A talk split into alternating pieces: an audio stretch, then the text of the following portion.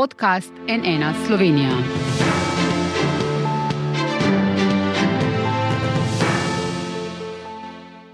Dobr dan, to je NN studio. Med prvimi ukazi o razglasitvi zakonov, ki jih je v teh dneh podpisala nova predsednica republike Nataša Pirc-Musar, so tudi trije zakoni, ki so jih voljivci pred enim mesecem potrdili na referendumih. Danes so začeli veljati. A novela zakona o RTV Slovenija zdaj roma še na ustavno sodišče. Zakaj? Kaj to pomeni za delovanje RTV Slovenija? Se roki za imenovanje novega vodstva zamikajo. O tem z gostoma, z nami sta ministrica za kulturo Asta Vrečko, dobr dan, dobrodošli, in vlagatelj pobude za ustavno presojo, sicer predsednik programskega sveta RTV Slovenija, Petr Gregorčič, dobr dan, dobrodošli. Pozdravljeni. Gospod Gregorčič, zakaj torej ta pobuda? Zato, ker posega v vaš mandat programskega svetnika ali so razlogi kje drugi? Razlogi so širši. Zaradi tega, ker menimo, da je tukaj šla vladajoča politika predaleč in je nedopustno posegla v mandate, ne samo v moj mandat, v mandate vseh članic in članov programskega sveta, nadzornega sveta, generalnega direktorja, direktorja radio in direktorja televizije. In s tem je v resnici posegla v samo avtonomijo radio televizije Slovenija, kar je po našem mnenju nedopustno in uh, našemu mnenju pritrdujejo tudi, kot smo slišali na tiskovni konferenci, tudi judikati uh, v evropskem pravnem prostoru. In sicer recimo uh, dve odločbe Evropskega sodišča za človekove pravice, ena odločba uh, sodišča Evropske unije, in pa praktično identična zadeva je bila na Polskem, kjer je isto za njihovo radio televizijo, kjer so prav tako za zakonom posegli v mandate in tam je ustavno sodišče Polsko, Polske tak zakon razglasilo za protiustavnega. Mhm. E, če še malo razširimo, e, je še kaj drugega v, v sami pobudi, kaj torej vsebina, kaj vse izpodbijate? To, kar ste rekli, še kaj? Mi v resnici izpodbijamo zakon v celoti. -huh. Mhm. ker menimo, da je v celoti protiustaven in da če bi ustavno sodišče sledilo naši argumentaciji in bi razveljavilo vse tiste člene zakona, ki so po našem mnenju protiustavni, potem od samega zakona ne bi ostalo ne več nič uporabnega in zato uh, zatrjujemo, da je potrebno zakon razveljaviti v celoti. Vendar naj poudarim eno zadevo. Uh, to je zdaj na ustavnem sodišču. Oni bodo odločili, kaj je protiustavno in kaj ni protiustavno. In če odgovorim na vaše temeljno vprašanje, uh, današnjega dne, ki ste ga zastavili v vodniku, kaj to pomeni za zakon RTV Slovenije, nič ne pomeni. Zakon RTV Slovenije je bil včeraj objavljen v uradnem listu, danes je stopil v veljavo, postopki so stekli in bodo tekli normalno, razen v primeru, ko bi ustavno sodišče eh, ocenilo, da je potrebno začasno zdržanje zakona, to tudi predlagamo. V tem primeru bi seveda bil eh, zakon eh, začasno, njegovo izvajanje začasno ustavljeno, vendar naj podarim, to ni volja pobudnikov. Zato je očitek, da pobudniki želimo tukaj nagajati vladi neutemeljen. To bi se zgodilo zgolj v primeru, ne vem, če se bo zgodilo. Ampak, če se bo zgodilo, se bo zgodilo zato, ker bo ustavno sodišče ocenilo, da bi bilo izvajanje zakona uh, imelo nedopustne in nepopravljive posledice na, na našo družbo.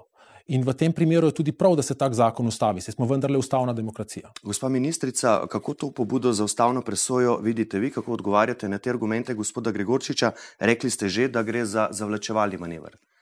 Najlepša hvala. Vsekakor uh, mi menimo, da je zakon dober, uh, pravzaprav so ga dvakrat uh, potrdili. Prvič je bil potrjen v parlamentu, uh, strani poslancev eh, in poslank, na to pa so ga z večinsko voljo potrdili tudi ljudje na referendumu. In eh, pri tem moram reči, da smo dobili izjemno dobre odzive, ljudje čakajo, vsakodnevno sprašujejo, kdaj se bo agonija na RTV-ju končala. Na nas se obračajo, kajti vsi vidimo, kaj se na RTV-ju v zadnjem času dogaja in to pospešeno, za kar je seveda odgovoren tudi programski svet, tudi predsednik, ki je tukaj z mano. Eh, vsekakor menim, da je eh, zakon, ki je danes stopil v veljavo, kot smo slišali, dober, da bo tudi eh, prestal ustavno presojo. Spoštujemo to, da je bila vložena, to je demokratični postopek, ki je seveda lahko in je legitimen, ampak po našem mnenju gre zgolj za enega izmed zavračevalnim manevrov, da se podaljšajo mandati in da se tam v bistvu dogaja še nadaljna rekonstrukcija dekonstrukcija, dekonstrukcija javnega medija, te naše največje medijske in kulturne hiše. Kaj se je dogajalo v zadnjem času, lahko vidi vsak. Uh, vidi, uh, nedavno bil, uh, so bile sporne kolektivne uh, pogodbe zaposlenim, so se da, nedavno zaposlenim so se dala zlata padala in tako naprej uh, pada uh, gledano zaupanje v RTV, ki je ne samo naša največja medijska in kulturna hiša, ampak res javni servis, ki dela v korist državljanov, obvešča, informira, to je njegova um, osnovna dolžnost. In v času korone smo videli, kakšen pomen ima to zaupanje v to medijsko hišo, v družbo. Danes pa to zaupanje nezadržno pada, tudi spo, uh, zaradi posegov, oziroma predvsem zaradi takšnih dejanj, ki se jih vodstvo uh, v zadnjem času lotuje, kjer vidimo, da gre tudi za neke neposredne. Um, interese verjetno tudi strankarske politike, lahko rečemo, konec koncev je strankarska politika tista, ki je po zdaj že prejšnjem zakonu imenovala programske svetnike in svetnice. Eh, tega, temu smo rekli ne, temu smo rekli ne že v kampanji, v eh, naši stranki v Levici, odkar smo v parlamentu, govorimo, da to ni pravilno. Naša vlada eh, je rekla na začetku, da se bo temu naredilo konec, zakon civilne družbe se je upošteval in tukaj danes stojimo in imamo že v veljavi nov zakon, ki umika vso strankarsko politiko iz vodenja in upravljanja RTV Slovenija. Gospod Gregorčič, kako odgovarjate ministrici, pravi tudi, da ste vi soodgovorni za to agonijo na RTV Slovenija? Ja, hvala lepa, uh, gospod Orešič, za to vaše vprašanje, ker to je moje vprašanje, gospe ministrici. Uh, zelo rad bi slišal, kako sem odgovoren. Namreč ravno to je težava tega zakona. Ta zakon odstranja vodstvo z utemeljitvijo, da je odgovorno za slabe razmere vkolikor je nekdo osebno odgovoren, eh, po, tako skladno s konvencijo o človekovih pravicah, kot tudi skladno z našo ustavo, je, ima pravico, da o tem odloči sodišče v kontradiktornem postopku. To pomeni v postopku, kjer ima tudi možnost podati svojo izjavo. Uh, ukinitev mandatov brez takega postopka je protiustaven tudi zaradi tega, ker pač z zakonsko oblastno mo mo močjo prekine nek mandat. Zato me resnično zanima, gospa ministrica, ker sem bil neposredno spostavljen, če mi lahko navedete kakšen primer, kjer sem jaz odgovoren, oziroma katera moja dejanja so tista, ki so škodovala Radio Televiziji Slovenija. To me resnično zanima tudi zato, ker bi rad ta dejanja, če res obstajajo, tudi popravil. Izvolite, Seveda mi ne gre polagati nobenih uh, besed uh, v usta. Jaz uh, nisem nikoli rekla, da gre pri zakonu za to, da se skrajša ali prekine mandat. Pri zakonu je ključno to, da se ustavi in da se ne strankarska politika več upleta v vodenje in upravljanje RTV Slovenija. To je ključno. In zaradi tega je ta zakon. Ta zakon imenuje Svet RTV Slovenija, v katerem so predstavniki civilne družbe, strokovnih, stanovskih organizacij, uh, postopek vodi. Um, vodijo te in potem se bo naprej uh, zakon izvajal s finančnim odborom uh, in pa potem upravo. In tukaj gre za ključno stvar tega zakona, ne pa zato, da bi se arbitrarno, kot se želi namigovati, krajšalo mandate ali kaj osebnega. Seveda pa je programski svet po prejšnjem zakonu bil tisti, ki je najvišje uh, telo odgovorno za delovanje RTV eh, Slovenija, uh, potrjuje določene stvari, vendar se imenuje tudi, se je imenoval programski svet, tako da tukaj, če gre za slabe prakse, za stvari, ki so jih tudi državljani in državljanke na referendumu jim rekli ne, kjer se obračajo na nas, niso zadovoljni z delovanjem, niso niti, pravzaprav mi vidimo, da imamo stavko na RTV Slovenija zaposlenih, zelo dolgo stradajoče, več kot pol leta že traja uh, ta stavka. Gotovo ne moremo reči, da je taka hiša v dobrem stanju. Ja, se posebno strinjam, vendar gospa ministrica ni navedla niti enega razloga za mojo odgovornost. In ta me resnično zanima, ker me je posebej, tukaj vam ne polagam besed v usta, gospa ministrica, prostite, izredno ste iz, izpostavili, da sem tudi sam odgovoren in me resnično zanima, kje je ta moja odgovornost. To bi iskreno rad vedel. In sicer zaradi tega, ker se vedno v življenju trudim, verjamem, da vsi delamo napake, se pa trudim jih popravljati, vendar če te napake niso konkretno naslovljene, s konkretnimi dejanji, če so zgolj pošaljno naslovljene, to ne mogoče storiti.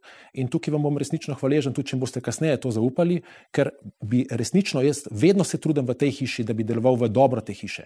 Zato sem vedno naredil vse, kar je bilo v moji moči, vodil sem tudi nekaj neformalnih pogovorov, ko sem začutil, da je škripov dialog med vodstvom in zaposlenimi, sem tudi nekaj imel na dva sestanka, ki so jih vsi pozdravili kot dobrodošla in k temu vedno stremim in si to resnično jemljem v srcu. Zato uh, bom zelo vesel, če bi kasneje morda konkretne argumente vseeno tudi izvedel. Pa se vam zdi, gospa ministrica, da gospod Gregorčič deluje v dobro RTV Slovenija kot eh, programski svetnik, kot predsednik programskega sveta? Uh, moje mnenje je, da RTV Slovenija trenutno ne deluje dobro kot celo, eh, ne kot eh, vodstvo RTV Slovenija, ne posameznih oddaj, novinarjev. Tam je odličen program, eh, odlični strokovnjaki, novinari, raziskovalci. Celotna ekipa ima res eno najboljših medijskih hiš, tudi največja in glavna javna medijska hiša v državi, ki upravlja tudi druge naloge, o katerih smo že veliko slišati od arhivskega raziskovalnega dokumentarnega programa, vendar menim, da je vodstvo RTV Slovenija ne deluje dobro. Vsekakor ne, o tem smo veliko že govorili, to menijo tudi konec koncev stavkajoči zaposleni, na to kaže tudi stavka, gledanost in pa tudi nezaupanje državljanov in državljankam, kar so povedali tudi na referendumu. In vodstvo je imenoval programski svet. Gospod Gregorčič, vas ne prepriča argument pravne mreže za varstvo demokracije, ki je v bistvu pomagala pri pisanju tega zakona, o katerem se pogovarjamo, takole pravi, citiram, Ustavno sodišče je že večkrat zauzelo stališče, da imenovanja za poslovodsko ali vodilno funkcijo z določitvijo mandata in zakonsko predvideno možnostjo predčasne razrešitve ni mogoče šteti za pridobljeno pravico, ki jo ustava v drugem odstavku 155. člena varuje pred posegi zakonodajalca. Torej, očitno vas ta argument ne prepriča, zato ste šli v ustavno presojo. Lejte, najprej bi rekel takole. Če je bil sam v vladi na, na mestu gospe ministrice, bi ustavno presojo v tem primeru podprl. Namreč na ustavno sodišče ne more vsakdo. Vrata ustavnega sodišča se odprejo zgolj tistim posameznikom, ki izkažejo konkreten pravni interes. In ta pravni interes imamo sedaj izključno eh, članice in člani programskega sveta, pa vodstvo. Zakaj bi to pozdravil? Zato, ker v delu javnosti, tudi strokovne javnosti, nad tem zakonom visi nek dvom proti ustavnosti. In jaz bom sicer zelo vesel, če bo ustavno sodišče reklo, da je ta zakon skladen z ustavo. In mislim, da to lahko vse, gospa ministrica je rekla, da je to prepričana, in potem ne vidim razloga, zakaj se tega ne bi veselila. Namreč zakaj? Prvič, eh, sproženje, eh, se pravi, pobuda za eh, začetek postopka za oceno ustavnosti v ničemer ne zaustavlja izvajanja zakona. Ta se bo brez, po, po časovnici, kot je predvidena v, njenih, v njegovih prehodnih določbah, nadaljeval. In če bo, če bo spoznan za ustavno skladnega, bo ta zakon dobil še večjo legitimnost in nihče mu ne bo mogel več oporekati. Jaz bi rekel takole. Uh, moj, oseben, moj oseben vidik je tak, da sicer mislim, da je zakon protiustaven, sicer v to ne bi niti rinil, vendar bo za me vsaka odločitev, katerakoli že bo, ustavnega sodišča izjemno pomembna. Če bo ustavno sodišče spoznalo ta zakon za protiustavnega, bo temu bo dalo vsakokratni oblasti, ne samo tej, zelo jasen signal, da so taki grobi posegi v avtonomijo nekega javnega zavoda oziroma avtonomne inštitucije nedopustni. Vkolikor bo ustavno sodišče reklo, da je s tem, kot pravi tudi pravna mreža za varstvo demokracije, reklo, da je s tem vse ok, je to tudi zelo pomembna odločba, precedenčna odločba, ki postavlja pravila igre za v bodoče. Česar si ne želim, je sledeče da bi nekoč, čez pet, deset let, prišla nova oblast, zopet spremenila zakon, mogoče bi rekli, da ta civilna družba, ki jo daje ta zakon notri, ni dovolj reprezentativna in jo bodo hoteli nadomestiti za drugo civilno družbo. In bodo takrat posegli v mandate uh, vodstva, takrat bi lahko ljudje, ki sedaj sedijo v poziciji, iz opozicije ali morda bi se preselili v civilno družbo, uh, govorili, da je to protiustavno. Tako kot smo to tudi videli pri imenovanju uh, programskega sveta. Uh, Zdaj, če bo pa odločba, bo pa odločba jasna, bodi si je to protiustavno, bodi si je to ustavno skladno. Torej, meni je pomembno, da v demokraciji, preko inštitucij, ki jih imamo, in ustavno sodišče je izjemno pomembna inštitucija v sistemu zavor in ravnovesi, postavljamo jasna pravila, ki pa morajo veljati za vse enako.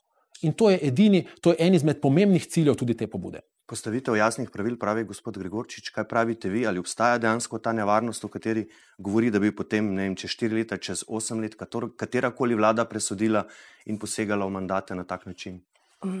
Poglejte, naj spomnim, da uh, zakon, ki je do sedaj veljal, uh, je podobno uh, naredil, seveda, zakonodaje, uh, ko se sprejme nova zakonodaja, ki spreminja upravljanje in vodenje RTV Slovenije, seveda potem tudi spremeni sestavo najvišjega organa, torej programskega sveta, v svet Vlada, Republika Slovenija, parlament je tisti, ki zakone sprejema. Ta zakon je bil tudi, še enkrat naj povem, več kot 60% potrjen med ljudstvom, med ljudmi. Glede avtonomije, pa je jasno, da ta zakon zagotavlja veliko večjo avtonomijo. Mi smo tisti, ki se želimo neodvisne in avtonomne RTV. Kar pa se dogaja sedaj, to žal ni. Pro, institut programskih svetnikov, imenovanih v državnem zboru preko političnih strank, se je izkoristil do skrajnosti. Tukaj je šlo do popolne politizacije, ki se je zgodila v uh, eh, 20 letih izvajanja tega zakona In eh, kar vidimo sedaj, je ravno nasprotno temu, kar bi naj RTV Slovenija bila, torej neodvisna in avtonomna institucija. In zakonodaja je tista, ki to avtonomnost omogoča. In ta nov zakon, ki sedaj velja, jo bo omogočil. Nikoli pa nikdar se ni nihče upletal in si ne želi upletati v avtonomijo RTV Slovenija. To smo na Ministrstvu za kulturo in na vladi večkrat poudarili, se tega držali, da je ravno avtonomija tista, ki omogoča delovanje javnega medija, ne pa umešavanje politike. Gospod Gregorčič, vi pravite, zagotavljate, da ta ustavna presoja ne zamika nobenih rokov, kar se tiče, ki jih določa ta zakon, kar se tiče imenovanja novega vodstva, novega sveta RTV. Ne, ta se mora formirati najkasneje v 60 dneh po uveljavitvi eh, te novele. Torej, tu eh, zagotavljate, da se nič ne spremenja, razen če ustavno sodišče začasno zadrži ta zakon. Ne? Ja, to ne da zagotavljam, tako je naš pravni red urejen. Se pravi, to ne zdrži ničesar, razen v primeru, ko bi ustavno sodišče sledilo našemu predlogu za začasno zdržanje, ampak v tem primeru gre tukaj za strokovno odločitev ustavnega sodišča. In jaz mislim in verjamem, da ta vlada, ki prisega na strokovnost, s tako odločitvijo ustavnega sodišča ne bo imela nikakršnih težav. Jaz sprašujem zato, ker je pač ministrica rekla, vi pa še vedno pravite, da gre za zavlačevalni manever, čeprav ni nujno, da se bodo zdaj te stvari, ti roki uh, raztegnili, zamaknili. Ne? No, pa se niso zavlačevalni manevri uh, zgolj te, kar bo storilo ustavno uh, sodišče. Tukaj se celo strinjam uh, s predsednikom ustavno sodišče je vsekakor avtonomno in vsako odločitev je potrebno uh, spoštovati. Ampak to, da se mi sedaj pogovarjamo o tem, o mnenju predsednika programskega sveta, o njegovem mandatu in, uh, in tako naprej. To so vse manevri, uh, ki dajo neko um, možnost v medijih pojasnjevati uh, svoje mnenje in nestrinjanje in seveda tudi uh, nekako legitimizirati svoje uh, poteze. V tem smislu govorim o tem, glede ustavnega sodišča pa si ne bi niti drznila nikakor uh, namigovati, kakšna bo uh, njihova presoja, vsaka uh, je vsekakor vsekakor pravilna. Zakaj pa potem mislite, da, da je šel v ustavno presojo po tem takem? Um, ja, verjetno zato, ker kot je povedal predsednik, uh. si želi, da se uh, pač zakon ne uh, začne izvajati. Se je, ne, do njega vprašajte. Uh, jaz bi tukaj samo eno stvar, čeprav sem razumel ministrico, ki me zelo skrbi. Če sem zelo pozorno poslušal, gospa ministrica, vi ste pravkar rekli, če sem vas prav razumel, če sem napak, me prosim popravite da je nedopustno, da se meni da javni prostor povedati moje mnenje. Glejte, vi ste, nisem rekla, okay, počakajte malo. No, potem pa v redu. Ne, ker sem razumel, da, pač, da, vaš, da je problem, ki ga imate s tem zakonom, oziroma s to razpravo o tem, da zdaj jaz po, po, uh, pojasnjujem svoje stališča in jim s tem dajete legitimiteto. Ne, ne, to ste vi izjavili, me samo zanima, ali ste to tako mislili. Ne, vsekakor. Okay, to me zelo veseli, ker to bi pač pomenil, po mojem mnenju, nedopusten poseg v svobodo govora.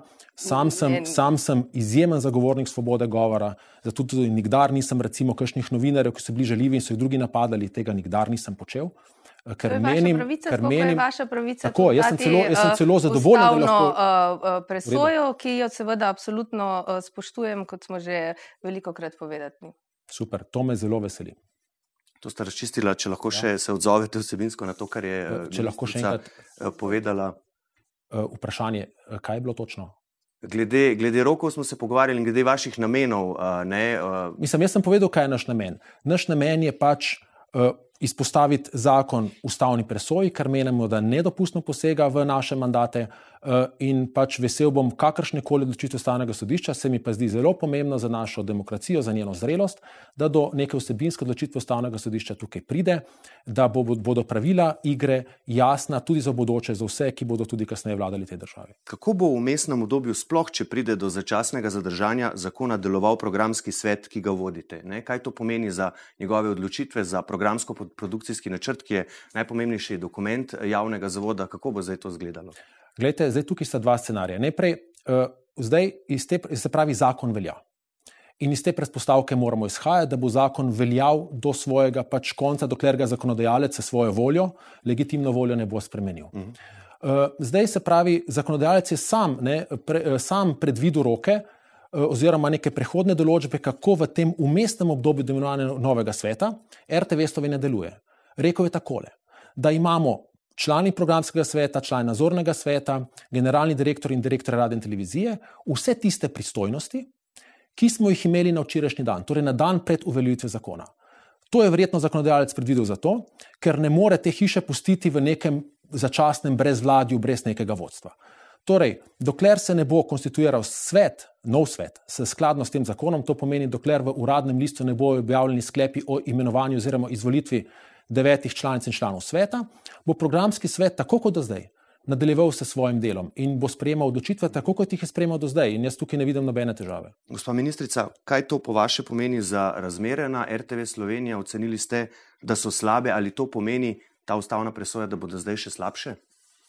Uh, jaz mislim, da je bil jasen signal, da se morajo uh, zadeve na RTV urediti, tudi usesti z stavkajočimi, prisluhniti uh, ljudem, prisluhniti poslušalcem in gledalcem, in seveda se začne, morajo začeti razmere na RTV Slovenija urejati.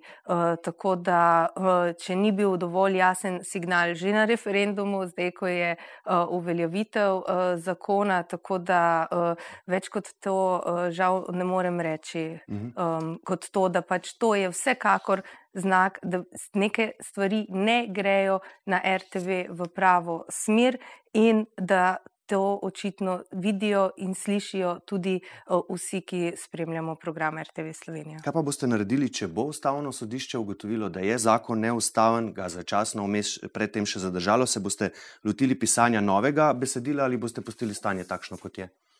Stanje kot takšno, kot je še enkrat, eh, naj povem, eh, ni primerno. Eh, očitno je to, vsak dan slišimo o novih stvarih, ki se dogajajo na RTV, ki sprožajo odzive v javnosti.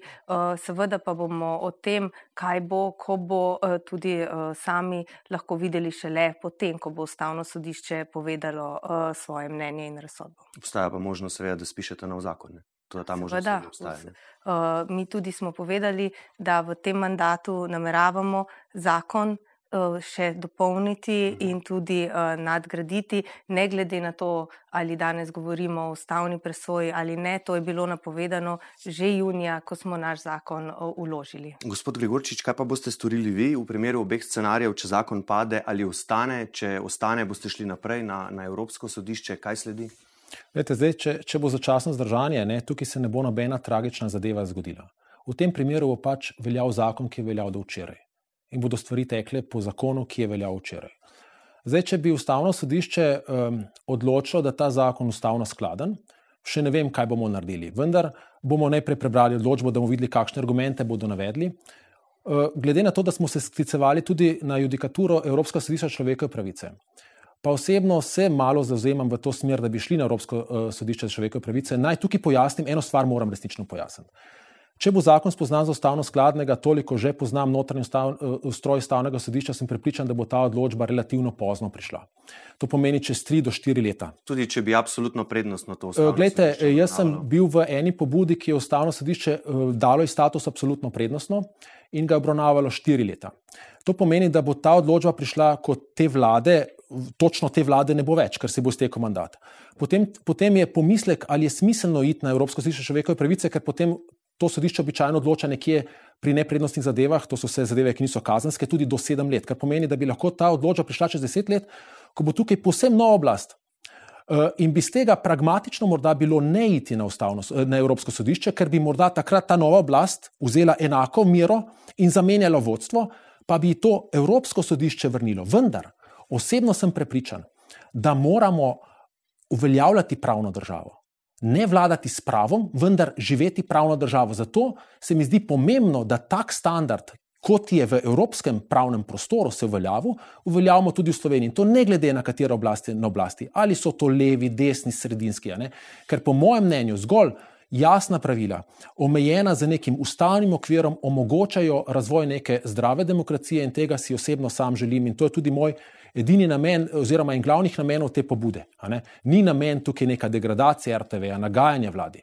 Ta pobuda je zgolj zato, ker menimo in smo prepričani, da je naše ustavno sodišče izjemno pomemben člen v tem sistemu zavor in ravnovesi, in mislimo, da je za zdravo demokracijo pomembno, da tudi te mehanizme, ko je to potrebno, ko posameznik oceni, ki je prizadet, da je to potrebno, tudi uporablja. Ampak slišali smo, ne? koliko se zadeve lahko zavlečejo. Rekli ste štiri leta, sedem let. Gospa ministrica, kaj bi to pomenilo, če bi se ne, ampak, scenarij uresničil? Sam nekaj povem, to nič ne vpliva na delovanje RTV-ja. Tukaj, tukaj, tukaj teče usporedni postopek, ki ničesa ne zadrži. Tukaj gre bolj za problematičnost našega sodnega sistema, ki je že večkrat dobilo zaušnico iz, iz Evropske unije ne, eh, za nedopustno dolgotrajnost sodnih postopkov. Se pravi, v primeru, da bi se to zavleklo štiri leta. To pomeni, da je pač ta zakon, normalno, ki je bil sprejet, ta novela zakona, normalno štiri leta veljala. RTV je formiran bo nov svet, eh, RTV bo čez štiri leta potem vodila uprava in tako naprej, tako kot si je vlada zamislila. Ali to lahko povzroči ministrica kaos, da se imenuje vodstvo po novem zakonu, novi svet RTV-ja po novem zakonu, potem pač pride neka sodna odločba, ki stvari obrača na glavo in se morda vračamo v prejšnje stanje. Kaj to pomeni, kaos na RTV-ju, če do tega pride? Mm, poglejte, jaz uh, si nikakor ne bi upala uh, špekulirati ali uh, na kakršni koli način ugibala, ugibati na to, kaj bo naredilo ustavno sodišče. Uh, sama nisem pravnica uh, in pa tudi ustavnemu sodišču popolnoma zaupam, tako da tukaj enostavno se mi zdi preveč špekulacij, da bi lahko na, na karkoli glede tega odgovarjala. Naš zakon, kot je rečeno, kot je tudi povedal predsednik, ne ustvarja nobenega kaosa, so prehodne določbe, s tem se bo šlo naprej z izvajanjem dejanjem in tukaj bo potekalo delo povsem uh, normalno, kar se tiče uh, dela na RTV. Pri samem koncu smo za konec uh, na kratko, prosim, oba, gospod Gregorčič, zakaj menite, da je ta zakon slab, gospod ministrica, zakaj menite, da je dober najprej vi, gospod Gregorčič? Ta zakon je po mojem mnenju slab zato, ker je nedomišljen. Ima kar nekaj problematičnih zadev, ki se bodo, po mojem, pokazali že zdaj, malo po, po njegovi uh, uveljavitvi.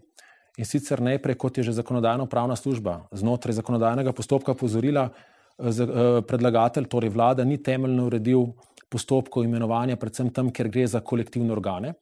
To lahko sproža potem težave, naprimer, gledajte, naprimer informacijski poblaščenec ali pa, uh, iz, iz, ali pa kakšen drugi organ, ki ima pravico imenovanja v svet, bo izbral nekega kandidata. Nek kandidat pa, pa tam zavrnen. Potem lahko ta kandidat sproži upravni spor. Tukaj se lahko zadeve izjemno zapletejo. Naslednja zadeva, ki se bo zelo verjetno zgodila, je ta, zakon predvideva, da je nov svet konstituiran, ko je imenovanih devet članov, to je absolutna večina. In zdaj pogledajte, če bi se zgodilo, da bi to stanje ostalo zgolj pri devetih članih. Bo imel ta svet izjemne težave z delovanjem, ker če bo en član manjkal, svet ne bo sklepčen. Zakon namreč pravi, da je devet članov potrebni, da je svet sklepčen. Potem moral bo svet imenovati z devetimi glasovi predsednika uprave. Verjemite mi, to pomeni, eh, iz osebnih izkušenj govorim, da je soglasje pri imenovanju se pravi, vodje RTV-ja, izjemno težko doseči. In če bo ta svet takrat v tej okrnjeni obliki, da ne bojo mogli imenovati več kot devet svetnikov, pomeni, da bodo mogli za predsednika uprave zbrati vseh devet glasov, vsi se bodo mogli strinjati. Kot se ne bo nekdo strinjal, zadeva ne bo šla čez. In tukaj jaz vidim veliko večjo nevarnost, da ta zakon ne bo implementiran kot je zamišljen, bolj kot nevarnost, da bi ustavno sodišče kakorkoli intervenirano. Ne. Tako da ta zakon ima te težave in ko sem bil prejšnji teden v odmevih s predstavnikom ministrstva, je potrdil, da te te težave so in je nekako rekel, ampak to bomo že sproti reševali. Glejte, to me izjemno skrbi. Zakonodaja, ki je ureja tako pomembno področje, kot je medijsko področje našega nacionalnega medija, ne more biti tako nedomišljena, da predstavniki oblasti v informativnih oddajah priznajo, da so bili nedosledni in da bodo to že sproti reševali, ko bodo videli, kako se bodo zadeve razpetale. Tudi zaradi tega smo predlagali začasno zdržanje tega zakona. Gospa ministrica, za konec, zakaj je zakon po vašem dober? Ta zakon je dober predvsem zato, ker na eni strani umika strankarsko politiko izvodenja in upravljanja RTV Slovenija, daje večjo možnost pri odločitvah zaposlenim, uvaja organ uprave, štiričlanska uprava, v kateri je tudi delovski direktor, posodablja določene stvari, ki pač niso bili, bile takrat, ko je prejšnji zakon stopil v veljavo. Tukaj tudi govorimo torej o direktorju digitalnih vsebin, ki ga do zdaj eh, ni bilo, eh, namreč tudi medijska krajina in družbeno komuniciranje se je vendar le spremenilo v 20 letih, če se pravzaprav ne naslavljamo v teh debatih, ker govorimo zgolj o teh. Svetu RTV oziroma nekdanjem programskem svetu. Tako da tukaj moram tudi povedati, da na Ministrstvu za kulturo smo pristojni za uh, interpretacijo in pa Zato, da se bo zakon uveljavil, imamo tudi, uh, bomo pomagali pri tem, na kakšen način uh, bo potem seveda zakon stopil v, veljavi, v veljavo. Postopki so tudi znani, uh, tako da uh, tukaj uh, imamo vse pripravljeno in sem pripričana, da ne bo teh težav, o, o katerih uh, je govora. Seveda pa se lahko vedno, uh, vsaj v teh uh, oddajah, si lahko zmišljujemo razne, razne načine in špekulacije, na kakšen kakšen način neke stvari ne bodo pravilno tekle, um, hkrati pa seveda uh, nismo še niti začeli z izvajanjem zakona. Tako da uh, mislim, da ko bomo začeli z izvajanjem zakona, uh, se bo videlo, da je ta postopek dober, domišljen in da bodo stvari dobro tekle. Samo še to, če ne, ne. Počakajte moment, samo še to, gospa ministrica. Če boste zakon spremenjali, kot ste rekli, še v tem mandatu dopolnjevali še, še nekatere stvari, ali se lahko na tem mestu zavežete, da tega ne boste več počeli po nujnem postopku, ampak po rednem postopku? Vsekakor bo šlo po rednem postopku. Mi smo pojasnili tudi, zakaj je bil nujni postopek tukaj nujen. Tako da vsekakor pa zakonodaja sedaj bo šla spremembe zakonodaje, tako medijske kot RTV, bo to seveda bile v javni razpravi in tukaj bomo tudi z vsemi deležniki že oblikovali postopek zakona, kot se je tudi tukaj prišel zakon. Pobuda prva, še enkrat podarjam, iz civilne družbe, politika pa je bila tista, ki je ta zakon uh, posvojila, se menimo, da je dober in se je tudi skladal z namero te vlade, da se umakne politiko izvodenja RTV Slovenija. Uh, želeli ste besedo na kratko? Zgolj, zgolj en stavek. Lete, poslušal sem zelo pozorno ministrico in je rekla, da bo vlada pomagala pri implementaciji zakona. Ministrstvo. To, ministrstvo, to je del vlade. Je Ministrstvo je pristojno za interpretacijo. Uh, ne, po, po naši ustavi zakone tolmači sodišče. Ampak, ko se obrne, mi imamo postopek, ki ga moramo razložiti. Uh, seveda, razumem. Tukaj. Ampak zdaj to, da bo pomagalo pri imenovanju, je točno v nasprotju z idejo depolitizacije.